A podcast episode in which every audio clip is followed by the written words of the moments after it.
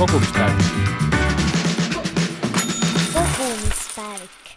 tere tulemast kuulama Kogumispäeviku podcasti. selles podcastis räägime põnevate saatekülalistega rahatarkusest ja jagame toimivaid nippe ning kogemusi, kuidas muutusi ellu viia. mina olen Mari-Liis Jääger ja eelmise aasta lõpus uurisime kogumispäeviklastelt, et äh, mis teemad neid huvitavad. ja väga paljud mainisid äh, investeerimist ning seetõttu kutsusin ka täna stuudiosse investori, investeerimisklubi kaasasutaja, investeerimisfestivali peakorraldaja, rahatarkuse teemadel blogija ja siis veel Super Angeli investeeringute juhi Marko Olo, tere tulemast! tere, tere! et sul on nii palju tiitleid, et äh, mõned veel jätsin mainimata. aga ikkagi on meil veel inimesi, kes äh, tegelikult ei tea sinust väga palju, et äkki sa mõne sõnaga räägid ka, et äh, kes sa oled ja mis sa teed? ma arvan, et jah, neid inimesi on hästi palju, kes, kes ei tea mind, aga mm, jah, ma arvangi, et, et kui vaadata seda investeerimisteemat ja mis ma täna teen, siis, siis viimased kümmekond aastat, üheksa aastat olen aktiivselt tegelenud investeerimisega. Ja sealt ongi ka välja kasvanud igasugused muud tegevused nagu investeerimisklubi lõime Tõnis Deniss Merkuljeviga, millest kasvas välja äh, siis investeerimisfestival, täna meie regiooni suurim jaeinvestorite üritus, võib-olla üldse ainulaadne Euroopas. et, et kolm päeva inimesed äh, on nõus vabas õhus investeerimisest äh, kuulama ja rääkima. kui palju te muidu inimesi sinna ootate? Selline tuhat seitsesada kuni kaks tuhat see aasta mm,. väga põnev, mul on juba pass olemas, nii et. jah, siis näeme seal ja, ja, ja siis sellest on välja kasvanud ka igavene heategufond, heategevusfond, millega me aitame kaasa noorte haridusele. ja, ja alamteemad seal on siis õppevahenditesse panustamine, noorte finantstarkus, rahatarkus ja ettevõtlusharidus et, et see on ka äge asi, mis on välja kasvanud just sellest enda investeerimishuvist ja sellest investeerimiskogukonnast. ja ning äh, täna ma töötan ka Super Angeli fondis investeeringute juhina esimeses fondis, uues fondis ka partnerina. ehk äh, ka see minu põhitegevus on seotud täna investeerimisega, nii et see kümneaastane teekond äh, investeerimise rahateemadel on, on täna muutunud minu igapäevaks ja, ja kõik minu tegemised ja, ja tutvusringkond on, on sellega seotud tegelikult. aga mis see super ingel või angel või kuidas te nimetate, teeb? me investeerime siis varajase faasi tehnoloogia ettevõtetesse. Ehm, täna, kui, kui näiteid tuua, siis kõige paremini ilmselt resoneerub, kui meie investeerimisportfellis on eh, Bolt, Veriff, Starship, need on nagu ettevõtted, mida on kindlasti keegi uudistest näinud või, või kasvõi tänava peal sõitmas näinud aga nende kõrval on ka lisaks veel nelikümmend pluss ettevõtet, kellesse me oleme viimase nelja aastaga investeerinud. ning plaanime jätkata seda investeerimistegevust ja, ja põhimõtteliselt äh, me olemegi üks äh, siis fonde, kes äh, investeerib tehnoloogiaettevõtetesse Eestis mm. -hmm. aga läheme korra tagasi sinu lapsepõlve, et kus see kõik alguse sai, et, et mida su vanemad sulle kaasa andsid või mul on lihtsalt väga, ma mäletan, kui me viimati nägime, sa rääkisid ühe loo oma lapsepõlvest äh, ja legodest. et äkki räägid kuulajatele ka? jah, ma arvan, et, et selline, no paljudele lastele meeldib midagi nagu koguda või tundub nagu põnev ja siis mingi hetk, mingis vanus tuleb nagu raha, tuleb ka mängu ning äh, ma, ma täpselt ei mäletagi ilmselt seda algust, aga mingist hetkest ma noorena nagu raha hakkasin koguma ja siis isa kinkis, andis mulle enda ühe vana rahakoti ka, kuhu vahele ma sain raha koguda. ja meil oli peres siis selline, selline tava, et siis, kui on sul sünnipäev, siis saad sa kümme krooni. ja, ja siis, kui sinu, mul oli õde ka, et kui mu õel on sünnipäev, siis tema saab siis kümme krooni, et aga, et mina kurvana ennast tunneks, saan mina ka viis krooni.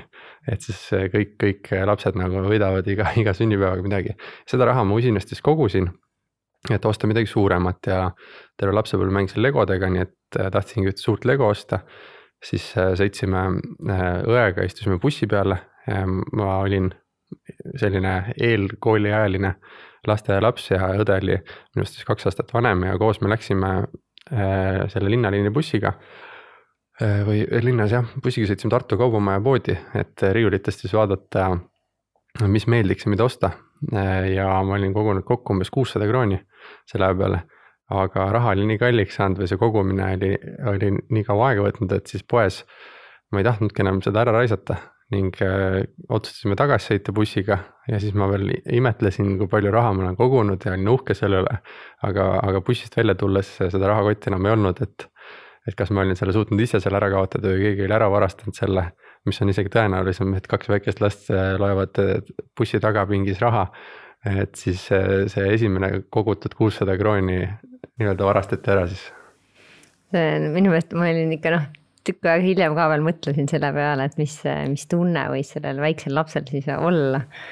nii suur tunne, et, et nende, neid mälestusi sellest vanusest on vähe, aga see on üks on meeles. jah, jah, aga ma saangi aru, et sul selline kogem- äh,, kogumise pisik oli sees, et see harjumus sa pigem jätkasid, aga kas su, ma ei tea, vanemad olid ka ettevõtjad või, või kust sa sellise ikkagi pigem ettevõtluse pisiku saanud oled? selline kogumine oli nagu oli sees ja, ja noh, legosid kogusin ja legodega iseenesest ka, et, et ma arvan, et mulle kingiti legosid, kuni ma võib-olla olin isegi neljateist-viieteist aastane, aga siis mingi hetk otsustas pere kolida ja siis kolimismehed varastasid legod ka ära nii et oh,. ilmajäämiskogemust on päris palju. ilmajäämiskogemust on palju jah, et äh, aga kogumine on sees, samas äh, mm, minu isa, isapoolne pere on olnud kõik sellised, sellised osta, müü ja vaheta tüüpi inimesed nagu paljud kindlasti selle Eesti algusaja äh, aegadel lihtsalt oli see tavaks, et käidi Poolas toomas midagi, Leningradis müümas midagi. et siis isa poolt on see tulnud isa on eluaeg siis mingisuguste selliste asjadega tegelenud, tal on olnud enda pood ja siis on enda restoran olnud ja, ja samas igast kaupa müünud nii turul kui ka mujal täna tegeleb autodega, autode vahendamisega. nii et, äh, aga ema, ema siis on äh, palgatööl olnud terve enda, enda töökarjääri jooksul, nii et. pigem stabiilne selline. ja hästi stabiilne ja siis samas isa poolt on sellist ettevõtluspisikut ka, aga investeerimisteemadel ei ole, ei ole meil nagu peres seda pisikut sees, et, et, et, et kogumine oli küll mm, -hmm, aga kus mhm. seda raha panna, et siis mm -hmm. see väiksena, kui, kui ma ei teadnud investeerimisest äh, midagi, et see läks pigem siis mingite asjade. seda pigem õppisid ise, on ju. jah, et sa ikkagi kogusid millegi jaoks ja siis mm, -hmm. siis tegid selle kulutuse mm. -hmm. aga, aga ma arvan, et äh, noorena noh, ikkagi ju tahad endale, kogudki millegi nimel, et mm, -hmm. et mhm. lihtsalt investeerimises koguda väiksena on teadlikult on väga keeruline. jah, kas, äh, mis oli su esimene palk või millest sa said või mida sa selle rahaga tegid, mäletad? ma arvan, et, et seesama näiteks kasvõi see väiksena kogutud raha ning ka hiljem kogutud raha, siis on osati tuli ka sellisest väikestest tööjuppidest ja otstest, et äh, mul ikka vanemad, vanemad ja vanavanemad kogu aeg utsitasid äh, suviti siis midagi tegema ja ise ka nagu tundsid huvi, et, et ma mäletan, et üheteistaastasena ja, ja ka varem ja hiljem natuke seda, et mitu suve me müüsime eh, Tartu Raekoja platsis eh, siis laatade või nende suvepäevade igasuguste ajal jäätist õega mm, -hmm. kuna mul vanematel oli siis see toidupood ka ja see mm -hmm. restoran siis seal juures sai nagu müüa.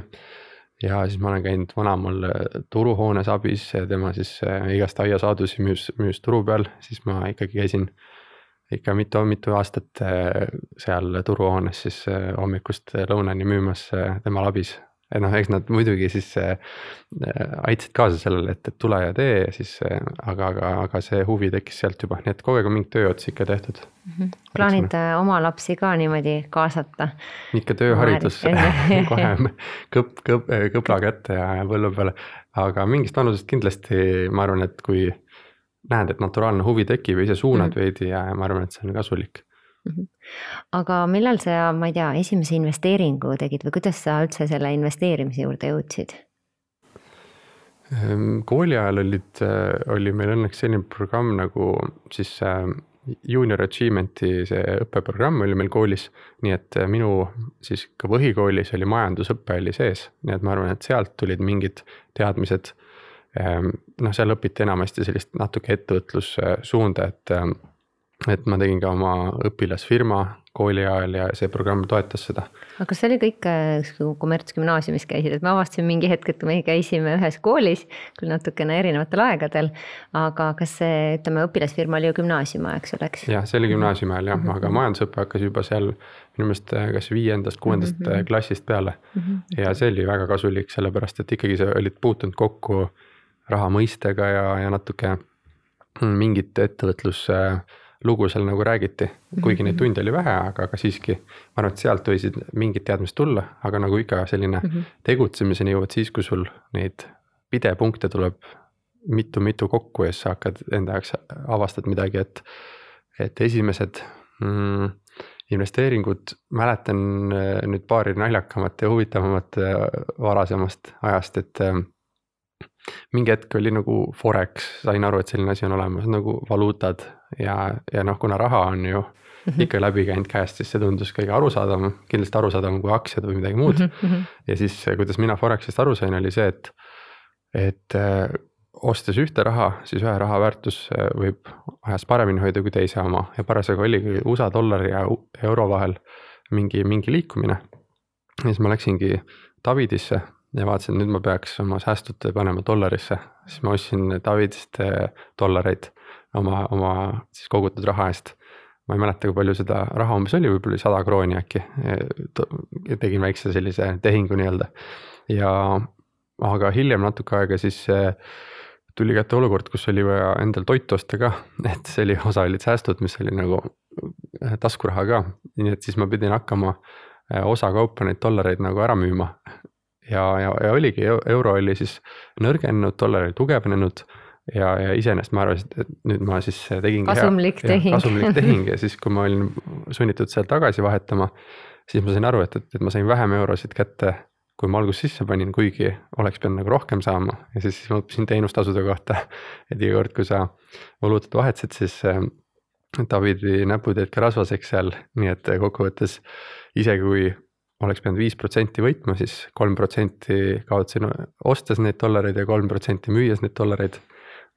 nii et siis äh, see õpetas natuke seda, et, et. Äh, vaatetasusid. ja, et natuke on seal midagi muud veel juures peale lihtsalt varade ostmise ja müümise. et see on üks Foreksi naljakas näide et, et, et päris rahaga, sularahaga Forexit nii-öelda kaubelda ei ole ilmselt mõtet. ja, ja siis on ka hõbemünte ostetud ka jälle Davidist äh, ja siis nendega on võib-olla teine naljakas seik lihtsalt see, et, äh, et, et neid piisavalt pikalt hoides, siis nad hakkavad õhu käes või õhu ligi saades oksüdeeruma ehk lähevad kollasemaks. ja siis neid ei võeta enam tagasi, sest et nad on juba, välimus on, ei ole eeskujulik välimus enam nendel, kuigi noh. aga puhtaks saab neid hõõrudes mingi selle vahendiga või see ei ole ikkagi see, ta ei ole enam see välimus täpselt? ilmselt võib-olla on mingid vahendid ja mingid võimalused, aga aga, aga noh, neid münte nii palju ei olnud ja, ja, ja lõpuks jäid need paar tükki, mis, mis olidki kollaseks läinud, suveniiriks endale, aga, aga see oli ka jah, et, et ostad seda füüsilist hõbedat ja siis mõtled, et. et see on siis turvaline ja see on selline hea turvaline investeering, siis lõpuks saad aru, et, et nelja aasta jooksul. ka selle väärtus võib langeda tänu sellele, et lihtsalt äh, füüsiline asi oksudeerub õhu käes. võib-olla täna, kui sa lähed vaatad, selle hind äkki on tõusnud vaata selline numismaatikute selline pärusmaa võib-olla. ja midagi kindlasti seal saaks teha, aga, aga jah, et sellist eh, jälle huvitavad sellised esimesed investeerimiskogemused. ja täna, täna ma enam nagu sarnaseid tehinguid ei tee aga aktsiate puhul on sul ka kindlasti sellised eh, nii-öelda õppetund, ma näengi, et noh, väikeste summadega proovinud erinevaid asju, et, et seda kogemust saada, et aga.... et esimese aktsiaostu ma tegin, vist oli kaks tuhat kolmteist aastal, kui ma ostsin eh, Olympic Casino Äh, aktsiad siis, sest et ma olin lugenud tükk aega siis Äripäeva ja siis vaadanud, mis aktsiad on nagu ägedad ja tugevad ja siis kogu aeg soovitati nagu Olympic Casino aktsiat ja siis äh,. ma olin parasjagu äh, siis Portugalis elasin äh, vahetusõpilasena. ja, ja siis seal ma mäletan, ma selle tehingu nagu tegin ja esimene tehing on alati kõige keerulisem, sest et noh, kuidas see orderi sissepanek käib ja nagu ei julge ka aga lõpuks, kui see order sisse sai, siis, siis ma läksin uhkelt sõbra juurde, ütlesin, et ma olen nüüd investor, et mul on need aktsiad ka olemas. ja, ja, ja sellega jah, see aktsia oli mul käes siis tükk aega, umbes neli-viis aastat ja siis lõpuks me teame, mis Olympic Casinoga juhtus, et see osteti turult äh, välja nii-öelda ja kokkuvõttes sealt äh, dividendi tootlust küll sai, aga, aga ta aktsia, aktsia väärtus ise ei kasvanud mm. -hmm. nii et, et selline esimese aktsialuguga. aga kas sa ostsid ka sellise väikse summa eest? Ja et siis, siis olid teenustasud ka. ja, ja siis... ma just mõtlesingi selle peale, et seal tõenäoliselt ka kaotasid, et noh, täna on tasuta on ju, saab osta-müüa, mis on tegelikult väga tore, ma mõtlen just al alustajatele, et sa võid tõesti osta. sul ei ole teenustasusid nii-öelda proovida, mängida on ju.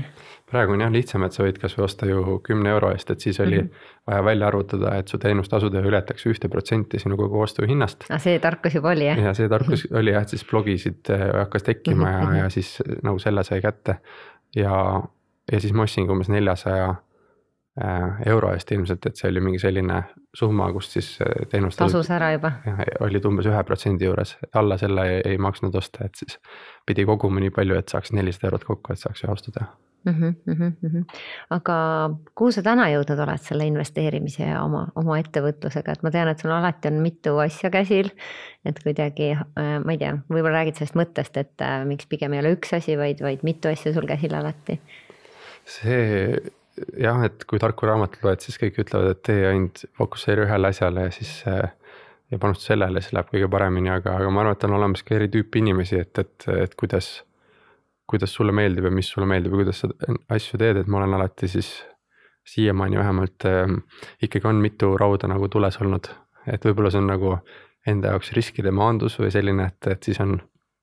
kui on mitu kohta, siis äh, on mitu sissetulekut võimalik teenida ja siis on nagu hajutatus selle vahel, et kui üks peaks ära kukkuma, siis on teine alles. ja samas on see ka rohkem võimalusi, et siis, et sul on nagu mitu projekti.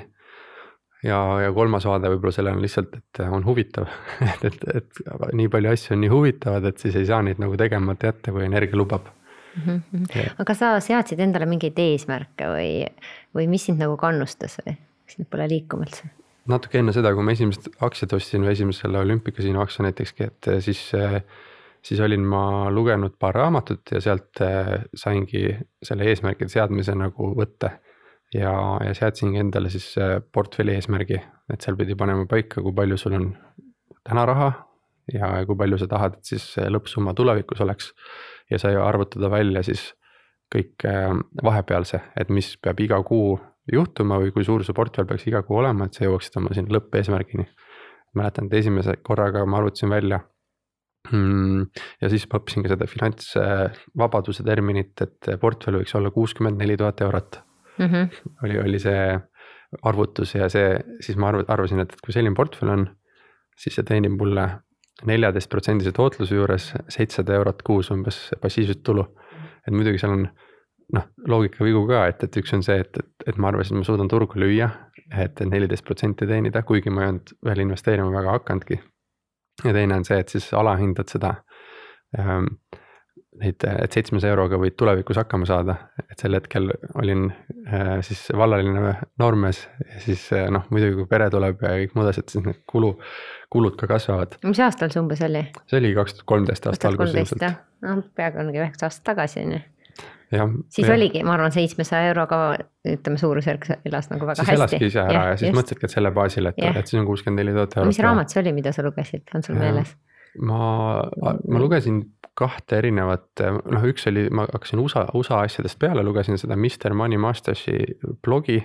sealt tekkisid ideed, siis ma olin lugenud Robert Kiyosaki Rikas isa, vaene isa raamatut. ja edasi sellest oli rikkaks saamise õpik ning ähm, Taavi Pertmani blogi olin ka jälginud äh, ja, ja mul on tunne, et see, see finantseesmärkide seadmise mõte tuli sealt Taavi Pertmani äh, blogist. et kuidas seada endale sellised vahetulemuse eesmärgid ja, ja sealt, aga, aga noh, kuskilt tuleb alustada, et esimene eesmärk vähemalt on paigas ja sai nagu liikuma hakata. et ajapikku, ajapikku ma korrigeerisin seda kõvasti ja jõudes lähemale kuuekümne nelja tuhandele sain aru, et, et, et see ei ole ikkagi noh, see ei ole nagu lõpp-punkt, et see on ainult, ainult vahepunkt, kust, kust edasi liikuda. Mhm, aga, aga mis su tänane eesmärk, kas see finantsvabadus oli pigem see, mille sa siis äh, võtsid eesmärgiks ja nüüd on, ütleme, need summad on lihtsalt muutunud või? see, see, ma isegi olen nagu mingil hetkel suutsin nagu lahti mõtestada enda jaoks selle finantsvabaduse teistmoodi, et ma hakkasin seda kutsuma finantsiliseks sõltumatuseks, sest et isegi inglise keeles, inglise keelest Eestis, eesti keelde tõlkides financial independence võib tähendada rohkem isegi sõltumatust kui vabadust. ja, ja mul on tunne, et see finantsiline sõltumatus on äh, hea termin, et, et see ei ole nagu alguspunkt ja lõpp-punkt ehk et finantsvabadus oleks nagu lõplik punkt. aga sõltumatus on nagu skaala, et sa võid olla vähem sõltuv või rohkem sõltuv või veel rohkem, veel noh, et see on hästi, see sõltuvus saab hästi teistmoodi nagu mõtestada ja mulle on see rohkem meeldinud, et, et äh, näiteks portfelli kasvatades ja passiivset sissetulekut teenides saad sa muutuda aina vähem sõltuvaks enda otsustes äh, siis rahast või rahalistest piirangutest. ja seal ei olegi tegelikult lõpp-punkti, et alati on erinevad noh, see muutub kõik on ju, jaa just, aga on sul ka selline lausa skaala tehtud, et kus sul niimoodi liigub? ja et, et ma ise kogu aeg vaatan enda portfelli ikka mm, -hmm. näen, kuidas see liigub ja siis sa tunnetad mingeid vahesid või mina olen tunnetanud siis elustiilis või mm, -hmm. või igapäevaelus. et, et ma arvan, et seal on mitu erinevat punkti, et ähm, et äh, näiteks äh, tänane minu sõltumatuse aste on umbes selline, et, et ma ei ole sõltuv enam, enam siis igapäevakulutustest ehk et poes käimine. see ei tekita mingit mõtteainet, et poes ma ostan ikkagi seda, mida, mida perel või endal soovid on või vaja on.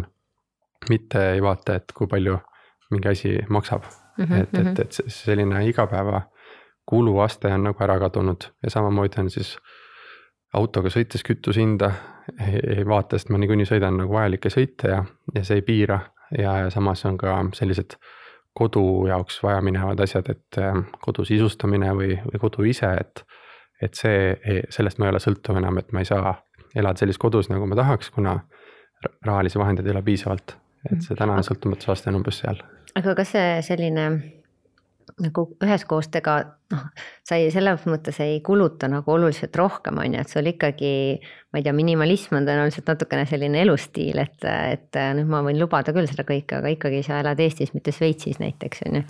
jah, jah, ma mõtlesingi, et, et kui ma enne natuke mõtlesin selle sõltumatuse peale, siis ma jõudsingi sinna, et, et selline igapäevakulutuste ja, ja selline põhivajaduste mm -hmm. sõltumatus on nagu käes, aga mm -hmm. ma ei ole veel sealmaal, kus et ikkagi asukohariik natuke piirab mm -hmm. veel, et ma ei ole nii sõlt-, sõltumatu rahaliselt, et ma iga päev mõtleksin, et, et kuhu, kus riigis ma elan, et ikkagi seal juba on mingi rahaline piir ees, et ähm,. aga oled sa mõelnud, et kus sa elaksid, kui sul ei oleks seda mingit piiri ees?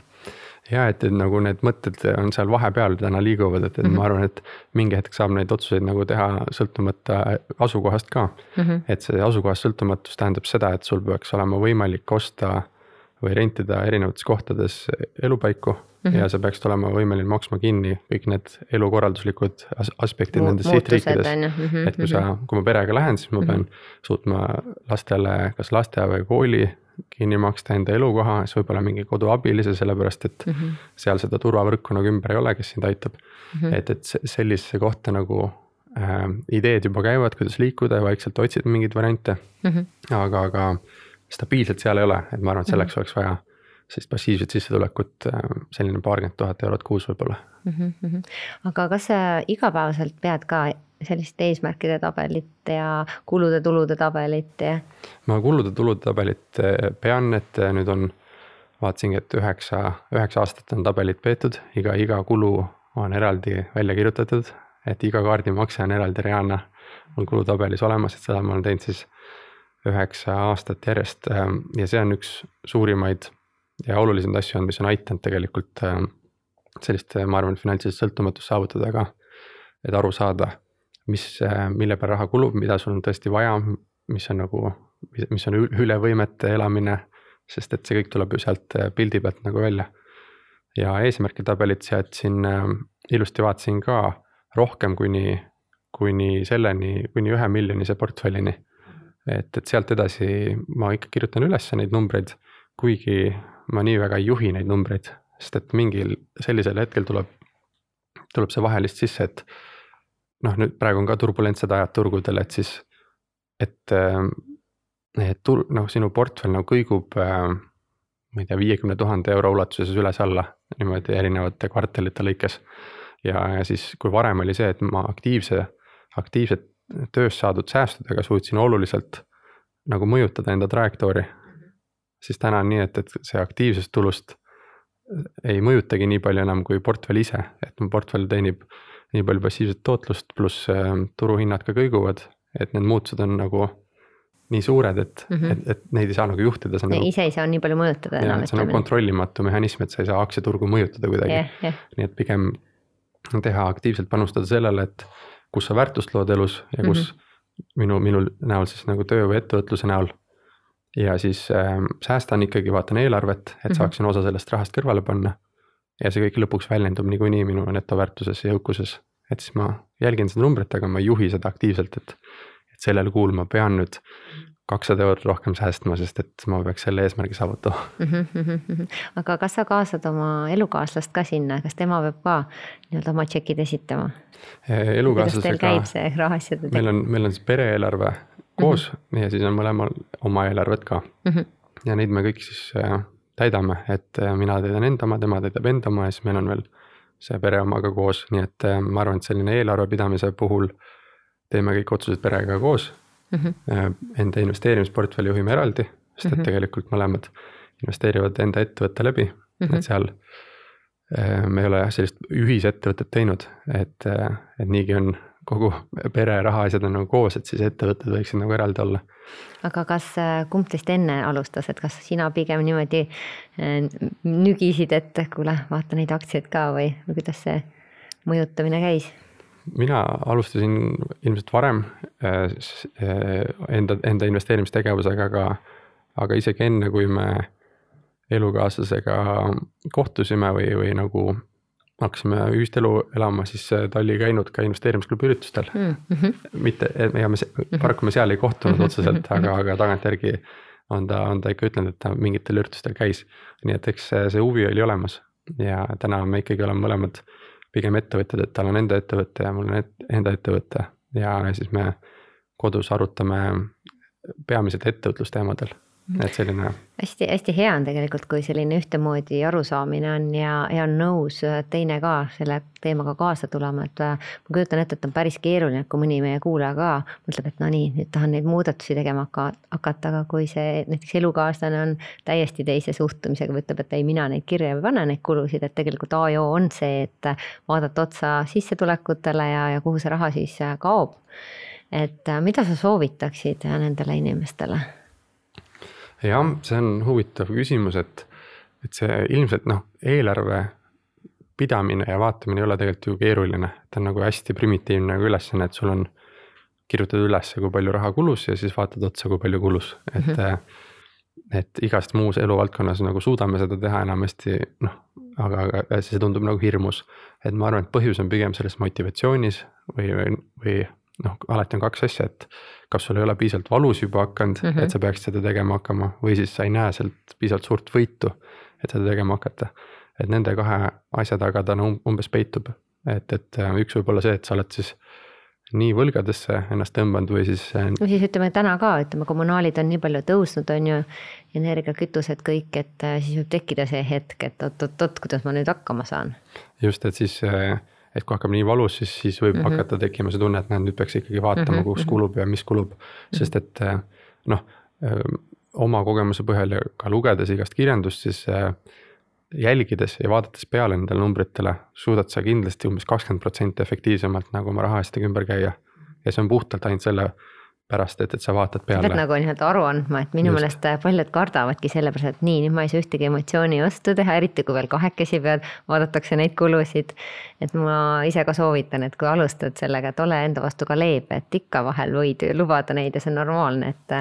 et ühtepidi sa elad nagu tänases päevas, aga teise jalaga sa elad tulevikus, et mitte see, et, et täna kulutan kõik ära ja on noh, täitsa hea elu, on ju, aga et, et mis saab tulevikust ma soovitan väga nagu manuaalselt seda ülesannet teha, kas siis vihikusse või siis Excelisse või kuhugile kirjalikult, et on olemas täna ka igasugused automaatsed yeah. äpid, aga, aga ma olen nagu näinud seda, et kui sa automatiseerid selle mm -hmm., noh, see efekt ongi selles, et sa pead selle kulule kaks korda otsa vaatama, üks kord on see, kui sa seda teed mm -hmm. poes ja teine kord on see, kui sa selle üles kirjutad endale mm. -hmm. ja võib-olla on kolmas kord veel, kui sa analüüsid enda kogu pilti mm -hmm. nagu. Mhm. et just need emotsionaalsed hetked seal, kus sa saad selle reaalsuskontrolli, et see on see, mis töötab. mitte mm -hmm. see, et, et sul see kulu sai kuskile programmi kirja, kirja., ja, ja. et see ei ole oluline. jah, ja tegelikult äh, päeva lõpuks ei ole ka see oluline, et need on seal kirjas, vaid äh, seesama analüüs on ju, et otsa vaadata, et mis on need kulud, äh, mida ma ei saa mõjutada, on ju.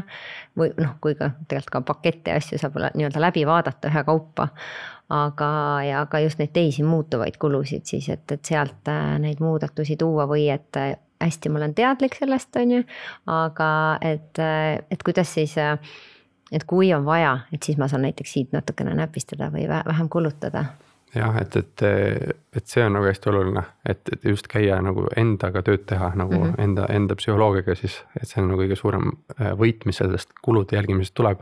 ja see on see, miks ma teen seda ka täna mm. -hmm. et noh, väga lihtne on ju, kui sissetulekud suurenevad, saab ju nii palju rohkem lubada endale mm. -hmm. ja siis võib see mm -hmm täitsa käest ära minna, siis sa hakkad nagu nii suuri asju endale lubama ja hästi lihtne on. kui sul on suur sissetulek, saad hästi palju laenu võtta mm -hmm. ja on hästi lihtne hakata endale laenuga igast luksusesemeid lubama. suurem auto ja võtame ikka suurema maja on ju. ja siis tuleb see energiakriis otsa, kus on iga asi võtab energiat ja kütust ja siis järsku vaatad, et mul on nii suur sissetulek, aga näed, kuu lõpus ei jää midagi alles, et kohustused on nii suured sellepärast äh, me seda ülesannet nagu elukaaslasega teeme ka kogu aeg. Mhm. aga kui suur sinu säästumäär on? ma ilmselt äh, noh, ma olen, mul on nagu ütlesin, et siis on mõõdetud seda ja üles kirjutatud terve aja, et siis täna on ta kuskil üheksa aasta keskmine äh, on, on kuskil viiskümmend kuus protsenti sissetulekust. et algas seal kümne protsendi peal, siis vahepeal, kui, kui kui väga säästlik olin, siis oli seal kaheksakümne protsendi peal wow. ja siis noh, see oli selline siis, juba... siis peret ei olnud, ma saan aru. ja ma ütlen, see oli selline fanaatiline hetk, kus kui, olid. kuhumaani ma saan ja, minna jah. et, et vaatad, mis need piirid on enam-vähem, aga, aga, aga täna on ta seal viiekümne piirimail umbes, et mm -hmm. aga jah, et ma, ma ei juhi seda nagu säästumäära mm -hmm. nii, nii oluliselt, vaid pigem mul on olulisem, et ma teeksin äh, mõistlikke otsuseid vastavalt enda ja mhm, pere mm -hmm. nagu vajadustest ja, ja soovidest. noh, vaata, see mõjutab ka, et kui palju sul on sissetulek, on ju, ja, ja kust see sissetulek ka tuleb, et portfellilt ju ka tegelikult, kui sul, ma ei tea, dividendi asju, et, et kust maalt sa nagu seda üldse arvestad. jah, et, et nagu ja siis hakkab mingi hetk hakkab tulema siis see elumõõde ikkagi sisse, see balanss mm -hmm. ja kõik mm -hmm. muu, et, et mhm. noh, sa võid ju raha, ainult raha vaadata nagu ühe aspekti alt ja mm -hmm. tegelikult on see suur nagu ring muid asju mm. -hmm. et äh, raha ei ole ju eesmärk, et raha on nagu abivahend, mis aitab äh, midagi teha, et mm -hmm. siis äh,, siis me otsast nagu mõtleme kogu aeg seda ka, et noh, nagu me ütlesime sõltumatuse skaalal ka, et mm, -hmm. et mis riigis sa elada tahad ja see mm -hmm. läheb juba sinna, et kus sa reisid ja mm, -hmm. ja kui mhm. palju sa reisid ja siis mm. -hmm me ikkagi aktiivselt vaatame mõlemat asja, et, et mhm. rahaline asi oleks korras, aga samas, et äh, oleks meil. elu oleks ka, on ju, mhm. et elaks seda ka. aga kui täna vaadata see inflatsiooni seal üheksateist, kakskümmend ja siis paljud ongi öelnud, et, et ma pigem täna elan, ma ei säästa seda raha. või seesama, et investeerimine, et noh, turud kukuvad, et noh, mis ma panen sinna, seal ka kaob see raha ära. mida sa neile ütleksid? No kahest, kahte, kahte mõtet tekitab see minus, et üks esimene mõte on umbes selline, et, et see on okei okay, mitte siis säästa. aga siis peab eeldama ka seda, et, et midagi noh, et sa elad samasugust elu edasi ka nagu sa täna elad või isegi natuke halvemat, et kui äh, mingid asjad tõusevad, et sul ei ole lihtsalt sellist äh, puhvrit, on ju. just, et, et siis oledki sõlt-, hästi sõltuv, äh, tulles tagasi sõltumatuse juurde, sa oledki hästi sõltuv enda igakuisest sissetulekust. sest sinu ähm, siis hetkeolukord sõltub hästi palju sellest, et äh, kui palju sa kuus sissetulekut saad, sest sa ilm-, tõenäoliselt noh, kulutad nagu kõik ära ähm,. et, et kui sa, kui see on sinu jaoks okei okay,, siis võib miks edasi, miks mitte, igaüks saab nagu teha, mis soovib aga kui sa tahad natuke parem, paremini. seda muutust nagu oma elus on ju, et või, või liikuda järjest. tahad vähem sõltuv olla, tahad ja. Äh, mitte vaadata igat hinda poes või kuidagi mm -hmm. kuu lõpus olla ilma rahata. et siis on võimalik midagi ette võtta, et ma ütleks, et see on esimene, et lihtsalt kui hetkeolukord sobib mm, -hmm. siis võid nii olla, nagu oled. Mhm. kui ei sobi, tahad paremat, siis saab muuta ennast või teha teist, teistsugust toiminguid. ja teine mõte on lihtsalt see, et et investeerimine on riskantne, et siis seal võib nagu raha kaotada, et siis ähm, äraraiskamine on palju riskantsem. et kui sa ära raiskad, siis on kõik läinud. Sada protsenti kaotust on ju, a la ostad omale uue mantli. kohe, kui see kaart käib vastu mm -hmm. seda aparaati, siis on kohe läinud, et, et asjad kaovad ka varsti ära, kuluvad ära või sööd ära või mis iganes mm. -hmm. investeerimisel on siis ikkagi ajalooline eeldus on see, et need, et, varade väärtus kasvab. siiamaani on ta seda teinud terve ajaloo vältel, aktsiad on saja aasta jooksul keskmiselt kaheksa kuni kümme protsenti väärtust kasvatanud. ja, ja seal on see oht, et, et sa kõigest ilma jääd ikka noh, ajalooliselt on olematu tulevikus, kes teab, mis juhtub, aga selles mõttes tõenäosus on ikka, ikka selline, et sul jääb enamus raha alles või siis tegelikult on suur tõenäosus, et sul on rohkem raha pikas perspektiivis. et ei ole olnud vist ajaloos kahekümne aastast perioodi, kus, ähm, kus sa oleksid raha kaotanud.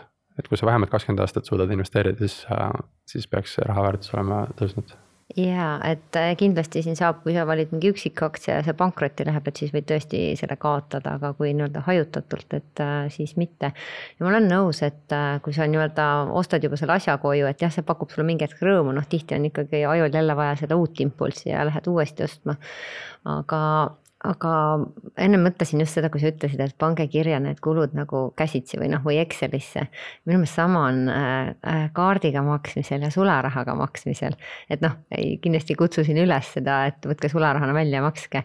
aga minu arust on palju raskem välja anda seda raha ja ma tean, meil kogumispäevikus äh, Elli siis tegigi niimoodi, et ümbrikumeetodi alguses, et nii palju läheb, ma ei tea, toidule, nii palju läheb äh, näiteks riietele, nii palju siis püsikulud, et äh, lihtsalt, et äh, on kergem ennast nagu ohjata alguses, et tõesti, et sa näed nagu, et palju sul veel järel on, et tõesti, et konto peal noh, on ka need erinevad kontosüsteemid ja mina tegelikult kasutan ka, ma just mõtlesin, et ma peaks nüüd veel ühe konto tegema et mm -hmm. kuidagi eraldada neid. mis mul sellega, et ma arvan, et see on hea eksperiment teha nagu lühiajaliselt mm, -hmm. pikaajaliselt ilmselt seal tekib see asi, et sa peaksid need tšekid alles hoidma või seda mm, -hmm, sa pead mm -hmm. lisategevusi tegema. sest muidu saad konto väljavõttest võtta. ja siis üldse harjumuste, harjumuste seadmisel on, on see, et see peab olema võimalikult effortless mingis mõttes ka, et, et siis seal on nagu positiivsed küljed ja siis on, on need äh, tagasihoidvad küljed ka, et sa pead vaatama, mis sulle sobib, et kui sa tänu sellele, et sa rahaga, sularahaga maksad,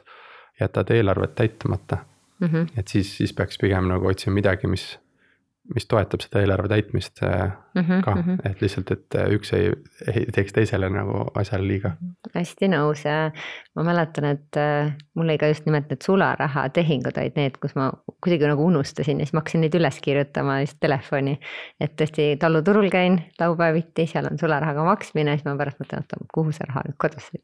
aga siis paned kohe kirja, siis on hea vaadata mm. -hmm. mul on ka sularahaga tavaliselt, ma tean, kust ta sinna tekib, aga aga kuidas ta ära kaob, seda ma ei saa üldse aru, et, et, et enamasti siis oled heldem äh, jootraha mhm. jätma ja mhm. igast mhm. muid asju, mis on ka okei okay,, aga lihtsalt ta kuidagi kaob näpust mul kiiremini, et siis äh, mul on nagu jah, see kaardi asi ei meeldinud, siis ma saan iga hetk ajaloos tagasi minna ja vaadata mm, -hmm. kus see raha kulus, sest et panga ajalugu ei kao enamasti Google'i mm. -hmm.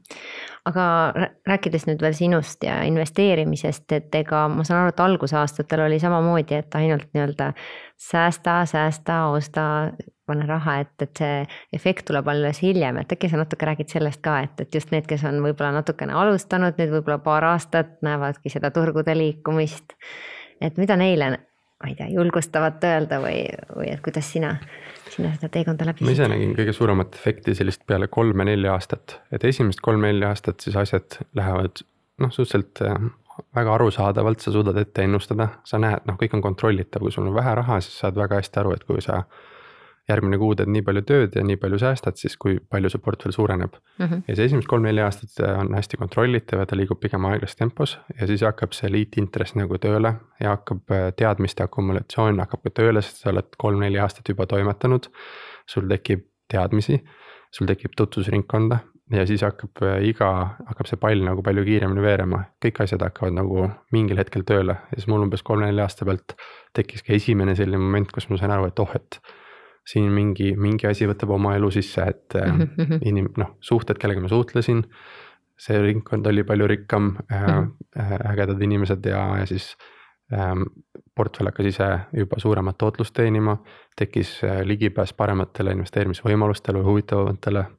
ja, ja sealt hakkab mingi punkt, et tuleb midagi teha lihtsalt piisavalt pika aja jooksul või järjepidevalt. ja siis võib igas valdkonnas nagu muutus tulla, et ma arvan, et sama võib olla millega iganes, mis hobi sul on või mingi trenniga, et kui mm -hmm. sa Mhm. teed ikkagi kolm-neli aastat järjest, siis hakkad tundma, et näed, nüüd on mingi, mingi efekt siin sama rahaga ja ja nüüd, mida edasi teha, seda rohkem see võimendub veel, et mille pärast ma täna nagu finantseesmärke nii väga ei saa nagu juhtida, ongi see, et portfell elab juba täitsa enda elu ja sealt. ja ettevõtle, ettevõtted arenevad ja, ja midagi juhtub, et, et nagu need rahavood on kontrollimatud, et eelmine aasta oli, suutsin kõrvale panna umbes kuskil sada viiskümmend, kakssada tuhat eurot.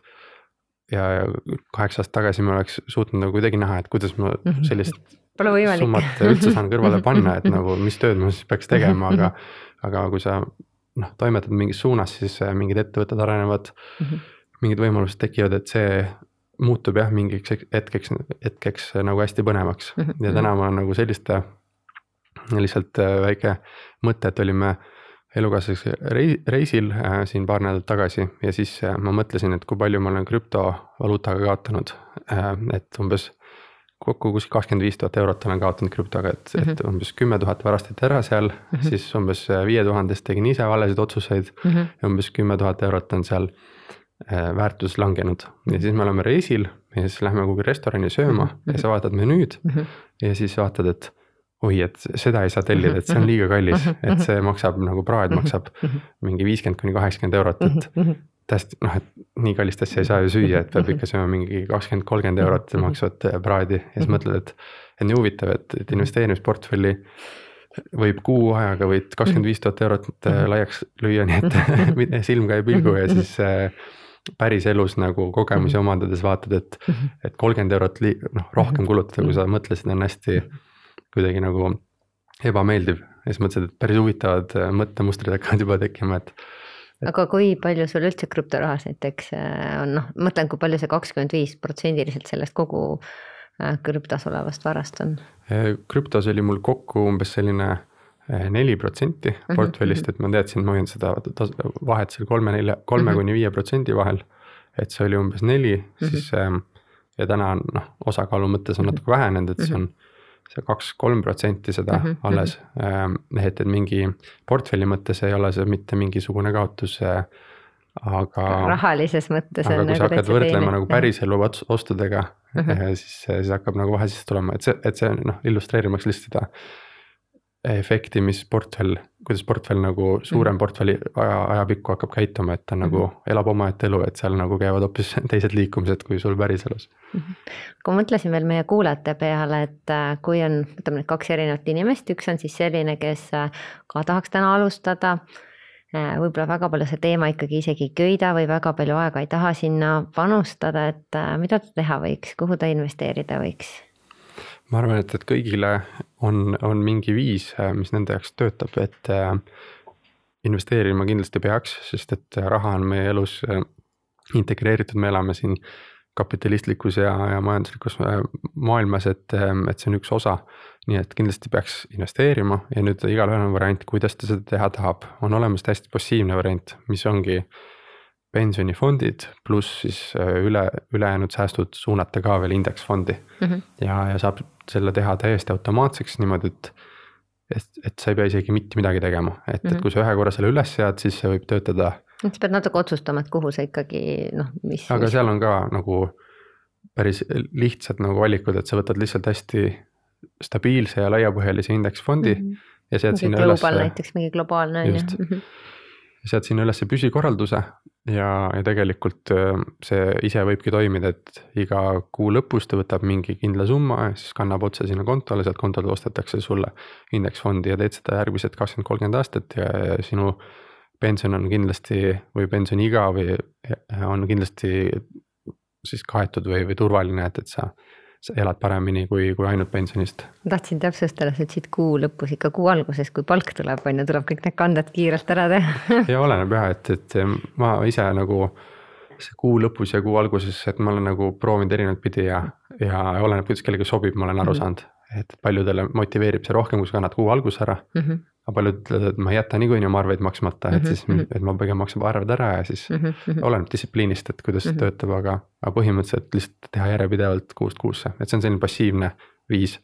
ja, ja sisuliselt see on täpselt sama asi, mida teevad äh, pensionifondid sinu eest mm, Mhm. -hmm. et iga kuu ju palgaarvestust arvestatakse välja sinu äh, pensionimakse mm. -hmm. ja see läheb sinna, aga lihtsalt kuna see on niivõrd väike osa mm. -hmm. kui sa mõtled, et see on brutopalgast kaks protsenti Mhm. liigub teise sambasse, et äh, sealt ei saa oodata kui suuri sa- summasid. kui lihtsalt mõtled välja mm. -hmm. enda nagu numbritega, et tuhandest eurost kaks protsenti, et see on kakskümmend eurot.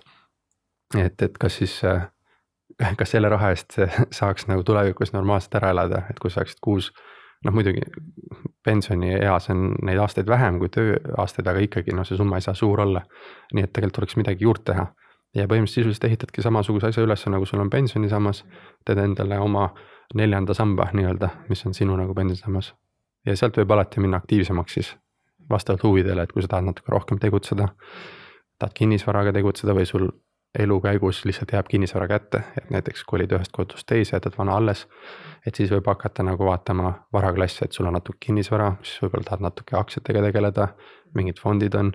siis ja, ja siis julgemad seal proovivad otsa lahti teha krüptorahaga või mingi iduettevõtetega. et, et saab alati aktiivsemaks minna. Et äh, ma just mõtlesingi, et äh, eestlased on hästi kinnisvarausku, aga kinnisvaraga on just see, et, et sul on vaja päris palju sellist omakapitali, et äh, see kinnisvara soetada, on ju, et täpselt nii, et aga võib-olla võib juhtuda elu jooksul, et ma ei tea, päranduseks või tõesti muudad ja vahetad ise oma elukohta, et, et siis saad hakata tegelema. aga võtame selle teise nüüd, kes just mõtleb, et nii, nüüd ma tahaks hakata niimoodi aktiivselt investeerima ja aktsiatesse just, et ma ei taha nendest fondidest midagi kuulda, et äh, mida sa neile soovitaksid ja võib-olla üldse, et mida ka noh, ma ei tea, mida kohe lugeda või, või jälgida mingit blogi või? ma olen täna kuidagi niimoodi hakanud mõtlema, et, et tuleks eraldada selline siis inve-, selline õppimisprojekt mm. -hmm. ja siis investeerimis nagu portfell mm. -hmm. ehk et investeerimisportfelli mõte on jõukust nagu hoida ja kasutada. Ehk et ähm, põhimõtteliselt sa ehit-, peaksid ehitama sellise portfelli endale või sellist investeeringut, mis ähm, tõenäoliselt pika aja jooksul nagu siis säilitavad oma väärtust, vara vastu inflatsiooni või siis kasvavad. ja see tähendab seda, et ikkagi peab olema riskid hajutatud, et oluline see, et sa ei kaotaks oma raha, sest sa oled selle palehigis tööd teinud ja, ja säästnud ja investeerinud, sa ei taha seda nagu kaotada, et. et see on nagu üks konstruktsioon või selline strateegia. Ja nüüd on see aktsiate osa, et, et kas ma tahan, et mulle tahaks nagu aktsiatega kaubelda või mingit, proovida seal mingeid üksikettevõtteid ähm, nendesse investeerida, et see on nagu tihtipeale õppimisprojekt, ehk et sa tead, et noh, et, et ma lähen proovin, aga no sinna ei ole ju mõtet paigutada seda raha, mida sa tahaksid nagu hoida või säilitada või kasutada. et, et lihtsalt tuleb eristada. Õppimisprojekti puhul on see, et, et, et sa äh, ei pruugi, noh, et sa tõenäoliselt ei saa turu keskmist tootlust, et mis on sinu eelis selles varaklassis, et kui sa lähed aktsiatega kauplema, siis mis on sinu eelis võrreldes nende kõigi teiste inimestega, kes teevad seda professionaalselt, kes on teinud seda viimast kolmkümmend aastat mm -hmm. tööl või kuskil investeerimispangas. et miks sina peaksid nagu ilma ühegi kogemuseta olema edukam kui nemad mm. -hmm. et tihtipeale minnakse kauplema selle eeldusega, et ma loodan saada keskmisest kõrgemat tootlust. aga ilma eeliseta, et sul ei ole nagu teiste ees eelist, siis, siis ma olengi näinud, et. et kui sa võtad seda õppimisprojektina ja paned sinna viis kuni kümme protsenti enda nii-öelda. portfellist ja määrad ära, et ongi, Mhm. et see raha on selle jaoks, et ma saaksin siin osta, müüa, vahetada ja mm, -hmm. ja, kaubelda siis see on jumala okei okay,, saadki selle mm -hmm. rahaga teha, sul on piir ees mm, -hmm. rohkem sa ei kaota, see ei mõjuta oluliselt sinu jõukust sest, sest üheksakümmend protsenti varast on paigutatud mõistlikesse kohtadesse. mis on mõistlikud kohad? mõistlikud kohad on, noh, võivad samad kohad olla, aga lihtsalt mm -hmm. läbimõeldud strateegiaga, et sul mm -hmm. on nagu. rohkem äh, hajutatud ka, ma arvan. hajutatud mm -hmm. kindlasti, et sa ei pane piisavalt suurt osakaalu ühte mm -hmm. aktsiasse näiteks portfellist, et see mm -hmm. oleks piiratud. teiseks, et sul oleks erinevaid varaklasse mm. -hmm. kolmandaks, sul oleks erinevad eesmärkidega investeeringud, et mm -hmm. ühed eesmärk, ühed, ühed investeeringud võivad olla lihtsalt vundamendiks, mis säilitavad vara vastu inflatsiooni. nagu näiteks? nagu näiteks kinnisvara või siis mm -hmm. indeksfondid, siis teine osa võib olla rahavoo mm -hmm. portfelli osa, mille eesmärgiks on rahavoogu tekitada, et sul oleks kogu aeg raharinglus portfellis. nii, mida sa mõtled all? näiteks seal võib olla üürikinnisvara mm, -hmm. siis võib olla dividendi äh, aktsiad, dividendi -hmm. maksvad fondid, võlakirjad mingid sellised asjad, mis tekitavad nagu stabiilset rahavoogu. Siis võib olla üks portfelli osa, mis on kasvule suunatud, et selle eesmärk ei ole sulle rahavoogu tekitada mm, -hmm. aga sa näed, et siin võiks nagu kõva kasv tulla siis. et vara väärtuse kasv. nagu näiteks? ütleme mingisugused teistsugused aktsiad või fondid. kasvuaktsiad Kasvuaktsiad võib-olla näiteks, riskantsemad jah, veidi läheb Mhm. riskantsemasse Mhm, poolde, aga mhm. mitte nagu täiesti riskantsed, et pigem Mhm, sellised mm. -hmm. Microsoft võib-olla on olnud läbi aja ja siis Apple Mhm. on siin kasvanud hästi palju, et sellist Mm -hmm. Blue chip või tugevad ettevõtted mm, Mhm. -hmm. aga millel on kasvupotentsiaali Mm -hmm. ja, ja siis fondid ka, kus on hajutatud portfell juba näiteks sees, et, et sa ostad fondi, aga fondi sees on. ma ei tea, sada aktsiat või midagi, näiteks ei, tehno-, NASDAQ sada tehnoloogiafond mm Mhm, -hmm, näiteks mhm. dividendi ei maksa, aga samas siis on kasvule. mingi meditsiin või? näiteks jah, mingi tees tekib sul, siis saad sinna panna Mhm. ja viimane osa on siis see spekulatsioon, et kümme protsenti siis panedki sinna, et. see on see koht, kus ma tean, et on hästi suur risk seda raha nagu kaotada Mhm. ka, aga samas ma eesmärk on kas õppida sellega midagi või siis. äkki läheb pihta ja äkki saan selle kõrge tootluse -hmm. Mhm. aga sa ei riski kunagi selle ülejäänud portfelliga. aga mis sul täna endal portfellis on? mul äh, umbes need loetletud varaklassid kõik ongi esindatud kuidagipidi, et on kinnisvara, indeksfondid. on ka üksikaktsiapositsioone, võlakirjad, laene välja antud. ähm, ja siis on raha, vaba raha ja siis on krüptosid ka. aga sul on seal mingi säästupuhver ka või kui palju sina, kui suur on sinu säästupuhver näiteks, noh tavaliselt räägitakse, ma ei tea, kolme-kuue siis kuud sissetulekust või pigem ma ei tea, aasta või, või. noh, ma tean, et neid dilemmasid just, et, et kui palju siis hoida ikkagi rahas, on ju. mul sellist äh, otseselt säästukontot nagu ei ole, et mm -hmm. see on meelerahufond, vaid mul on mm -hmm. eraisiku raha on nagu mm -hmm. ühe potina mm -hmm. põhimõtteliselt ja siis ettevõtte raha on nagu teise potina. ja, ja seal on kogu aeg mingi jääk on piisavalt suur, et, et pigem ma näen nagu kogu aeg vaeva, et kus see raha uuesti ära investeerida, sest ta kipub kogu aeg nagu liiga usinasti tagasi tulema, et ma kogu aeg Mhm, proovin tast mhm. nagu lahti saada, et teda tööle panna mm. -hmm. et siis mul ei ole seda väljakutset tekkinud, et, et nüüd on nagu puudu mm, mhm. et, et pigem on liikumises kogu aeg on ju, aga kogu aeg on olemas see. et portfellis on kogu aeg mingid rahavooinstrumendid mm, -hmm. mis siis tekitavad nagu raharinglust mm, -hmm. see mhm. tähendab seda, et saad kogu aeg uusi otsuseid teha, uuesti investeerida seda.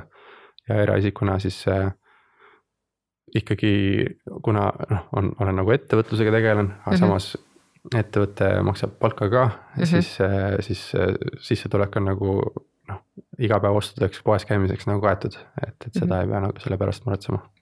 aga oskad sa mingeid oma ämbreid äh, rääkida, mis äh, noh, kuulajad siis saavad äh, nii-öelda teadlikumaks, et mitte seda proovida, et noh, kindlasti on see kuulad ära, et need ikkagi proovid või seesama, et vaatad, et tõuseb ja tõuseb või noh, paned sisse näiteks orderi ja tegelikult sa ei saagi osta seda, sest see liigub sul eest ära või, või vaatad, et on liiga kallis, aga läheb veel kallimaks.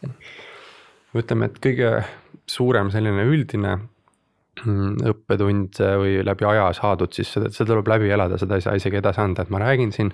inimesed siis kuulavad ja siis mõtlevad jah. Seda ma ei tee. ja siis teevad ikka mina olen ka teinud nagu korduvalt ja korduvalt on, on turu ajastamine või selline Mhm, ja eriti üksikaktsiatega turu ajastamine. no ei tule mitte kunagi kellelgi välja, ma ei tea inimest, kellel see, ma ei, ma ei, üks tutvusringkonnas ei ole nagu väga palju, kellel see nagu kogu aeg välja tuleks. Et, et kogu aeg proovid, et nüüd näed, nüüd ma tean, et ta langeb, siis ma ostan põhjast uuesti ja müün üleval ära ja siis pikaajaliselt. nagu teed ühe tehingu hästi, kolm tükki halvasti ja siis kokkuvõttes tootlust seal ei ole, et selline aktiivne ajastamine ja kauplemine, et, et ähm, ja selline emotsioonide baasil veidi ka, et see ei tööta, et ma arvan mm, -hmm. et on olemas kauplejad, kes suudavad süstemaatiliselt teha seda nagu.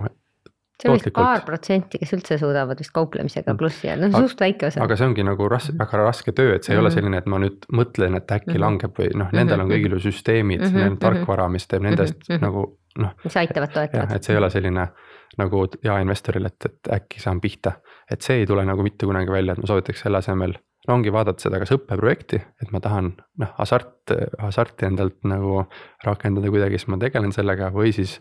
Ongi, et ma tahan õppida, kuidas need orderid töötavad, siis võib teha seda väikse protsendiga, aga, aga tootluse mõttes ei tööta.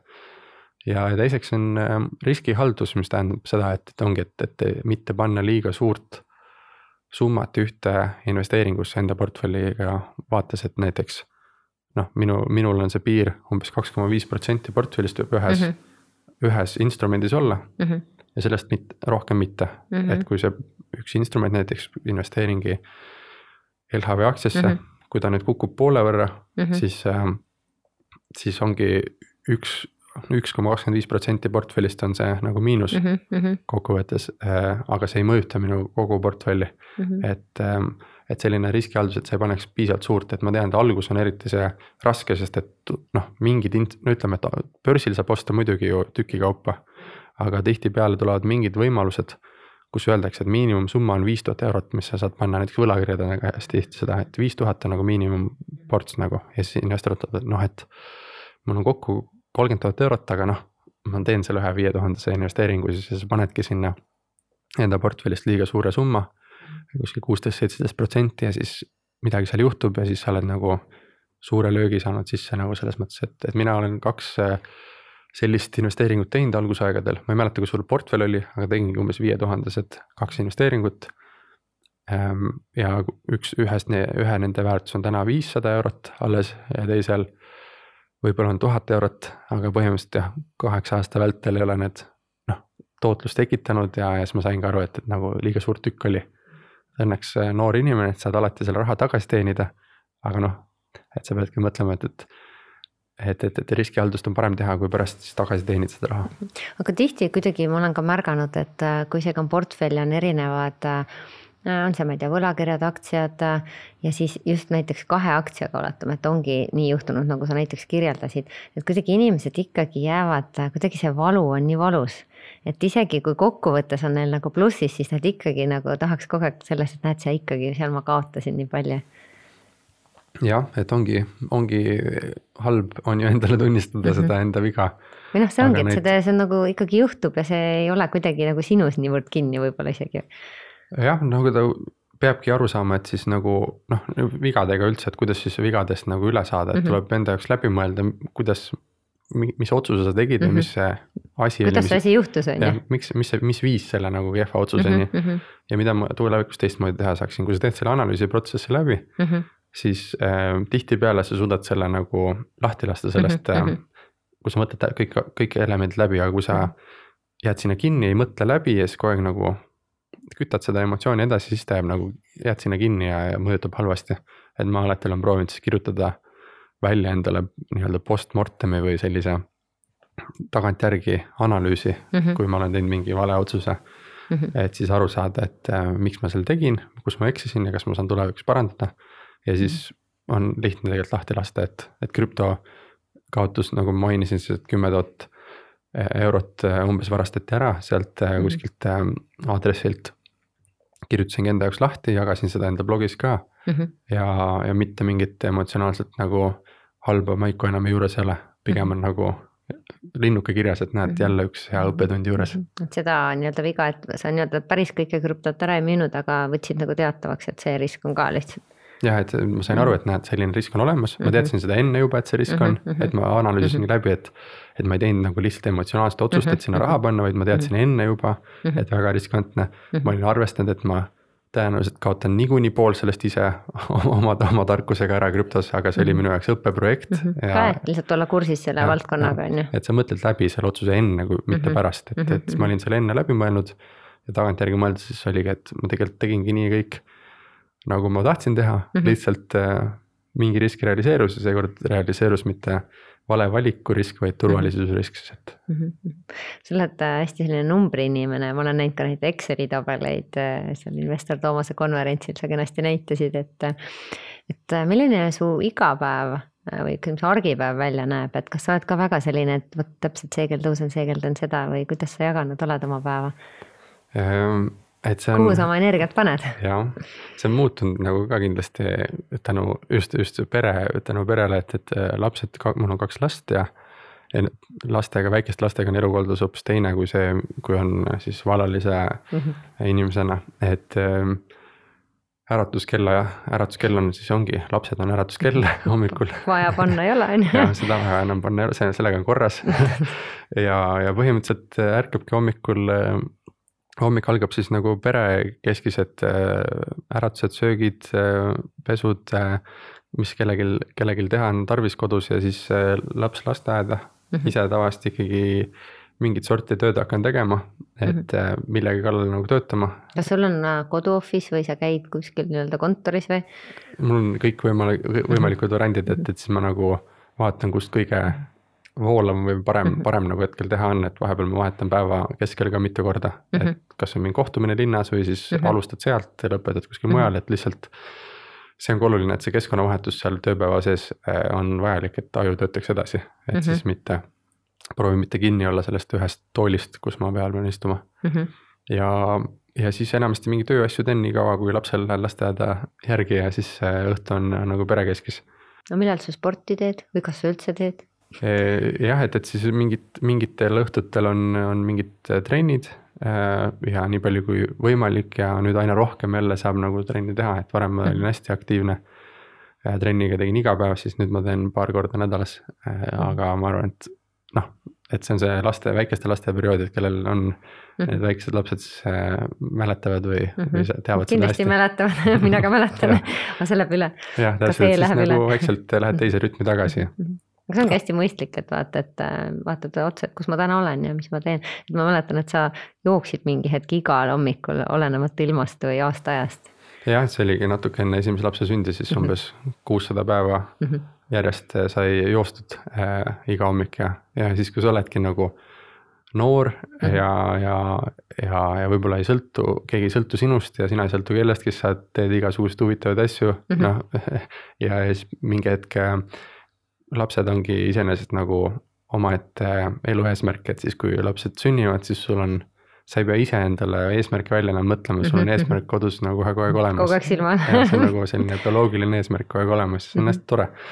aga, aga jah, et enne seda sai nagu aktiivselt kõike tehtud, et korra selle jooksmise juurde tagasi, et minu arust sa nii vahvalt ütlesid, et äh, kui sa isegi noh, mõtled, et alguses äh, lähed jooksma, et siis varsti peaks kergemaks minema, aga et isegi järjest tehes seda ikkagi on raske hommikul tõusta ja kohe jooksma minna. jah, seal oli palju avastusi, et muidu noh, see küsimus tuli inimestelt, kui ma olin juba mm. jooksnud umbes aasta aega iga hommik järjest, siis inimesed ütlesid, et noh, et sul ei ole üldse ju noh, et. Mis sul viga on, et tuleb muus eas ilmselt, aga Mhm. iga hommik oli ikka raske ärgata ja siis äh, mingid päevad ei olnud hea nagu, ei taha minna jooksma.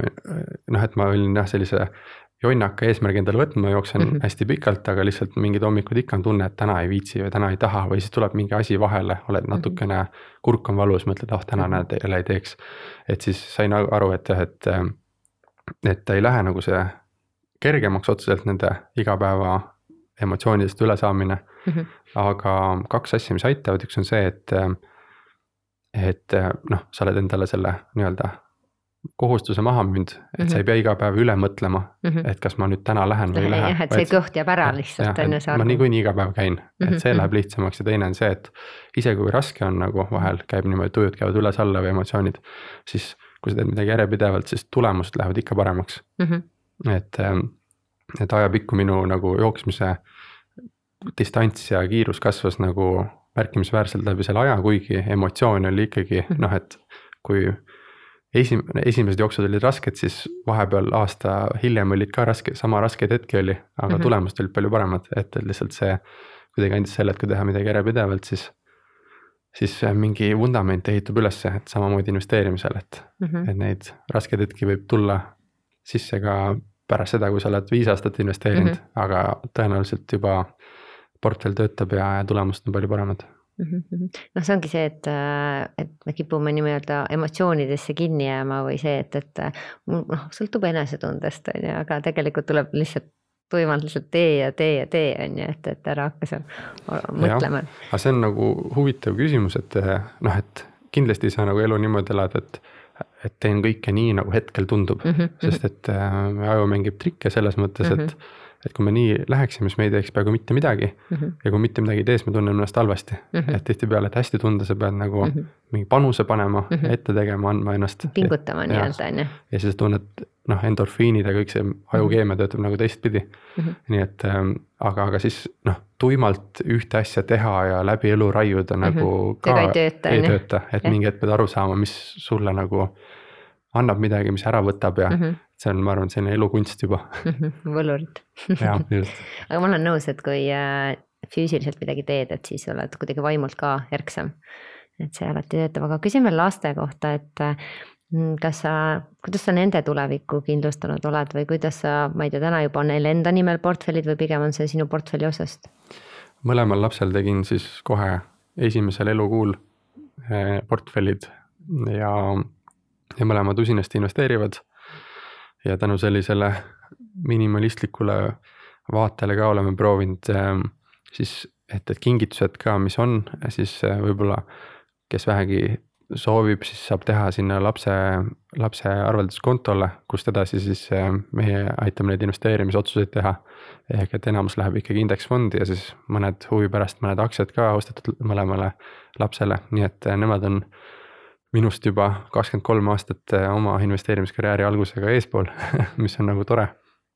Ehm, ja, ja, ja ma loodan, et, et kui me koos nagu õpime mingi hetk aina rohkem, siis neil tekib hea harjumus ja, ja see raha ei lähe nagu raisku, siis kui nad täisealiseks saavad, vaid teevad sellega midagi tarka. ja, ja üldiselt äh, selline, ma arvan, et, et nagu see on hea õpp, õppimiskoht lihtsalt, et kui noh, taskuraha andmisega ka, et kui sa mõtled, mhm. kas anda taskuraha, siis mina saan juba õpetada, et näed, et sul portfell ise teenib sulle seda taskuraha mm. -hmm. et, et kui sa tahad midagi osta, siis sa pead vaatama, palju sul portfell sulle raha teenib mm, -hmm. et mhm. sa ei kuluta seda nagu seda põhiosa ära, vaid mm -hmm. sa nagu elad siis nagu intressidest. ja see on selline mm -hmm. hea mõttemuster, mida kõigi ostudega jälgida, et ma olen ise mm -hmm oma perega või ise ka mingi viimased neli aastat reisimas niimoodi käinud mm, -hmm. käin sellistel reisidel, mis, mis vastavad minu passiivsele tootlusele või sissetulekule mm. -hmm. et ma kunagi ei raiska, ei käi kallimatel reisidel kui see, mis minu portfell on teeninud mm. -hmm. väga hea, ma arvan, et selline mõte, mida kindlasti kaasa võtta.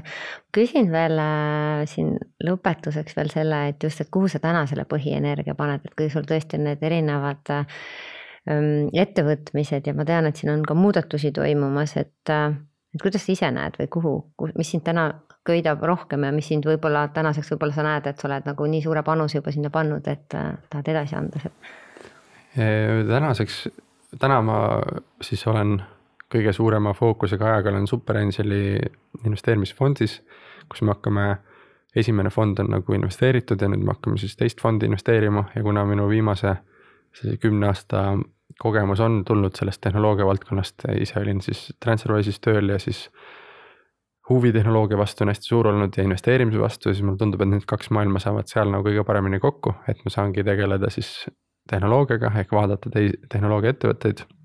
Ja samas ka investeerimisega, et neisse investeerida. Ja põhimõtteliselt see tuleb koos vastutusega siis, et millist maailma sa toetada tulevikus ehitad, kuna meie siis rahastame nagu tulev, tulevasi ettevõtteid, mis, mis hakkavad mingis osas maailma muutma või muudavad mm. -hmm. nii et, et see tundub hästi põnev, nagu see on ka nagu hobi nagu investeerimine, et mm -hmm. seal ei saa vanaks jääda, sest sa kogu aeg pead vaatama. kursis olema. mis see uus asi on ja mida mm -hmm. nemad teevad ja kes need inimesed on mm. -hmm. ja, ja kuidagi selline intellektuaalne hobi, mis mm, -hmm. mida kauem seda teed, seda raskem on sealt nagu ära tulla mm. -hmm. et, et ta kuidagi on hästi ajule hästi, hästi haarav. ja haarav ja mm -hmm. ergastav, et siis äh, seal on nagu äge olla.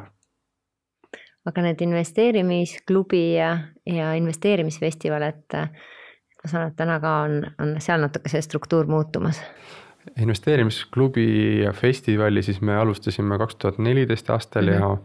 ja, ja, ja kuni siis eelmise aasta lõpuni olime seda tegemas, aga me oleme mõlemad Tõnisega siis ja ka ülejäänud tiimiga ka teinud seda hobi korras, et see on alati olnud see asi, mis, mis, mida me nagu lisaks teeme mm, -hmm. et me ei ole mhm. tahtnud, kunagi olnud, olnud seda mõtet, et teeks seda nagu täisajaga, sellepärast et noh, kuidagi on see olnud, et, et, et kas sa siis, kas sa, kas sa oled, saavutad edu mingis enda valdkonnas mm -hmm. ja mhm. siis nagu investeerid või siis saavutad, saavutad edu teisi õpetades mm. -hmm. et siis mhm. kuidagi see on olnud, et, et pigem oleme nagu teinud oma asja mm -hmm. ja mhm. seal kasvanud ja mm -hmm. siis äh, aidanud ka. kogemusi jaganud nii-öelda teistele, aidanud teisi teinud, järele. teinud sellise platvormi, kus mm -hmm. inimesed tulevad ja jagavad mm -hmm. teistega kogemusi, et -hmm. et, et, et siis äh,.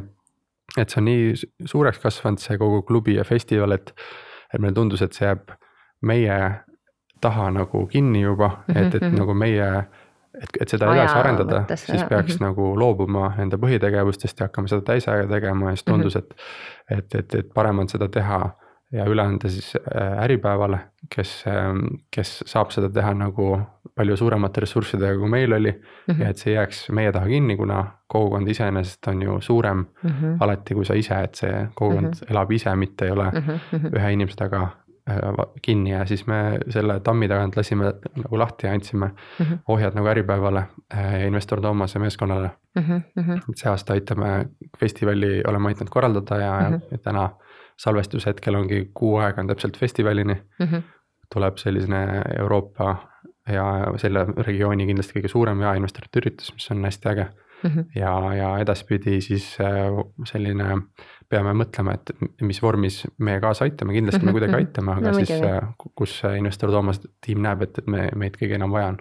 Mm -hmm. et nii-öelda mõned lapsed on juba üles kasvatatud, antud edasi nii-öelda, aga mis sa ise näed, et äh, sealt ju vabaneb ka mingi ressurss äkki, et on sul veel midagi, mida sa tunned, et kui aega rohkem oleks, et tahaks tegeleda või on see see aeg, mis lähebki nende lastele näiteks?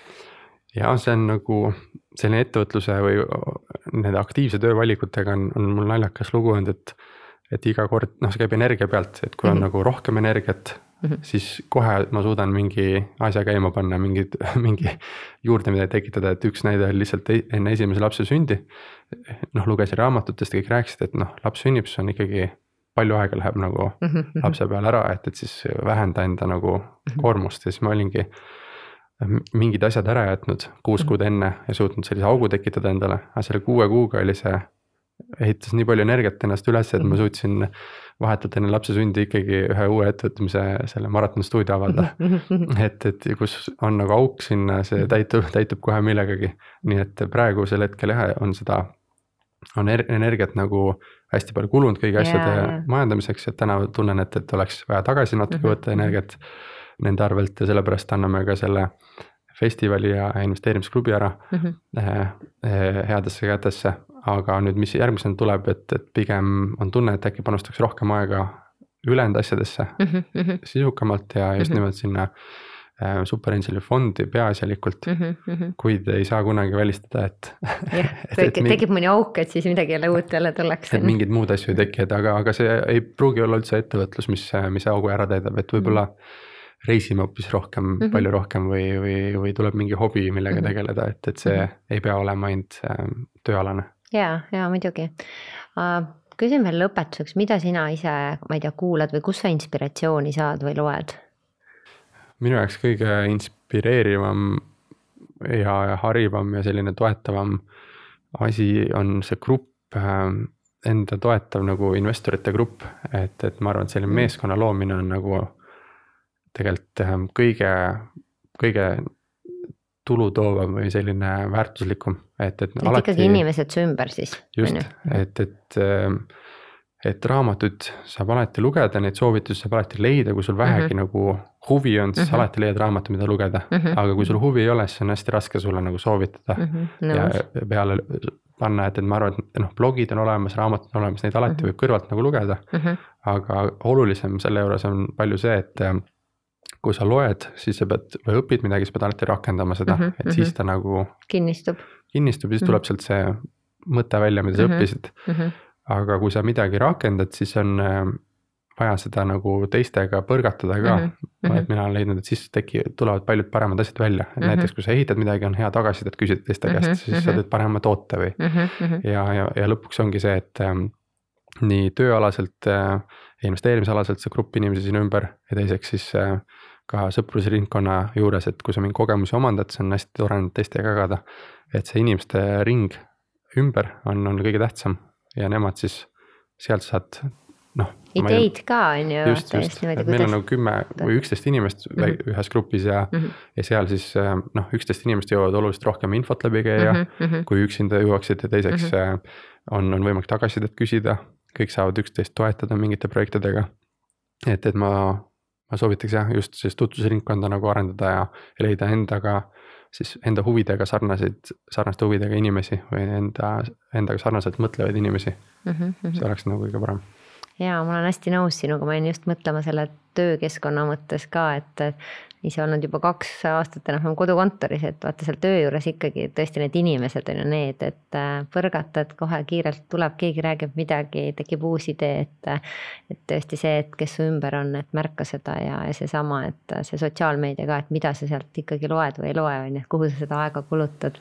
ja mul on tunne, et, et keegi ei ole väga head äh, ideed või, või saanud kuskil äh, kuskil foorumis nagu teiste sapiseid kommentaare lugedes, et, et kui olla lihtsalt kodus ja nagu käia läbi sellist nagu sisu või kuidagi niimoodi, siis see ei ole kõige parem koht, kus nagu head ideed sünnivad, et kuidagi tekib, pigem tekib see teistega suheldes selline hea energia pealt, et mm. -hmm. ühesõnaga, leidke omale ägedad sõbrad ja Just. ümbritse ennast nendega.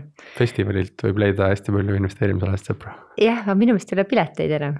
Piletid ei ole ja, et kõik, kes äkki järelmüük või midagi sellist jah, võib-olla keegi praegu on aktiivselt, mõned mm Mhm, mhm. siis annavad oma pileti ära kellelegi teisele, et see on võimalus, aga Mhm. aga seal on jah tekkinud ähm,, lihtsalt on äge koht, et nagu Mhm. no teine asi ongi, mis soovitan, on, on käia ikkagi mingitel sündmustel nagu, et sa ei Mhm. pea kõigil käima, aga Mhm. ka paaril, sest et äh, see noh, ma ei tea, ma olen jõudnud sinna, et see noh, saad sellise süstemaatilise tegevusega saad jõuda kuhugile, Mhm. aga mingist punktist edasi loeb, loevad ainult nagu enamasti need inimesed, keda sa Mhm. tead, kui hästi sa neid tead ja, ja sellised suhted ja network loeb äh, mingist hetkest edasi palju rohkem kui see üksi tegemine, et, et noh, minu lihtsalt mõte on olnud, et esimese miljonini saab säästa ka ilmselt mm, -hmm. Aga kümne miljonini säästa nagu jah, on, on väga keeruline, ma arvan. ma olen nõus, et see aasta ka oma investor Toomasele läksin koha peale, oli ju võimalus kodust ka kuulata, aga ma, täpselt seesama, et seal sa võib-olla avastad ka inimesi, keda sa muidu tunned, aga sa ei teadnudki, et nad investeerimisega tegelevad, et et igal juhul äh, hästi nõus sinu mõtetega. ja Marko, ma tahan väga tänada, et sa tulid ja oma mõtteid jagasid. et äh, kindlasti siit leidsid ka mõned kuulajad inspiratsiooni või, või tõesti neid samme, et kust siis alustada ja, ja mida meeles pidada et igal juhul edu teile, kogu perele ja, ja siis see sõpruskond, et see ikka kestaks, et, et need uued ideed sünniksid. aitäh, et kutsusid ja kõigile siis teadlikke investeeringuid ja õnnelikku elu. mm. -hmm. aitäh ja kuuleme siis juba kahe nädala pärast. kogumispäev. kogumispäev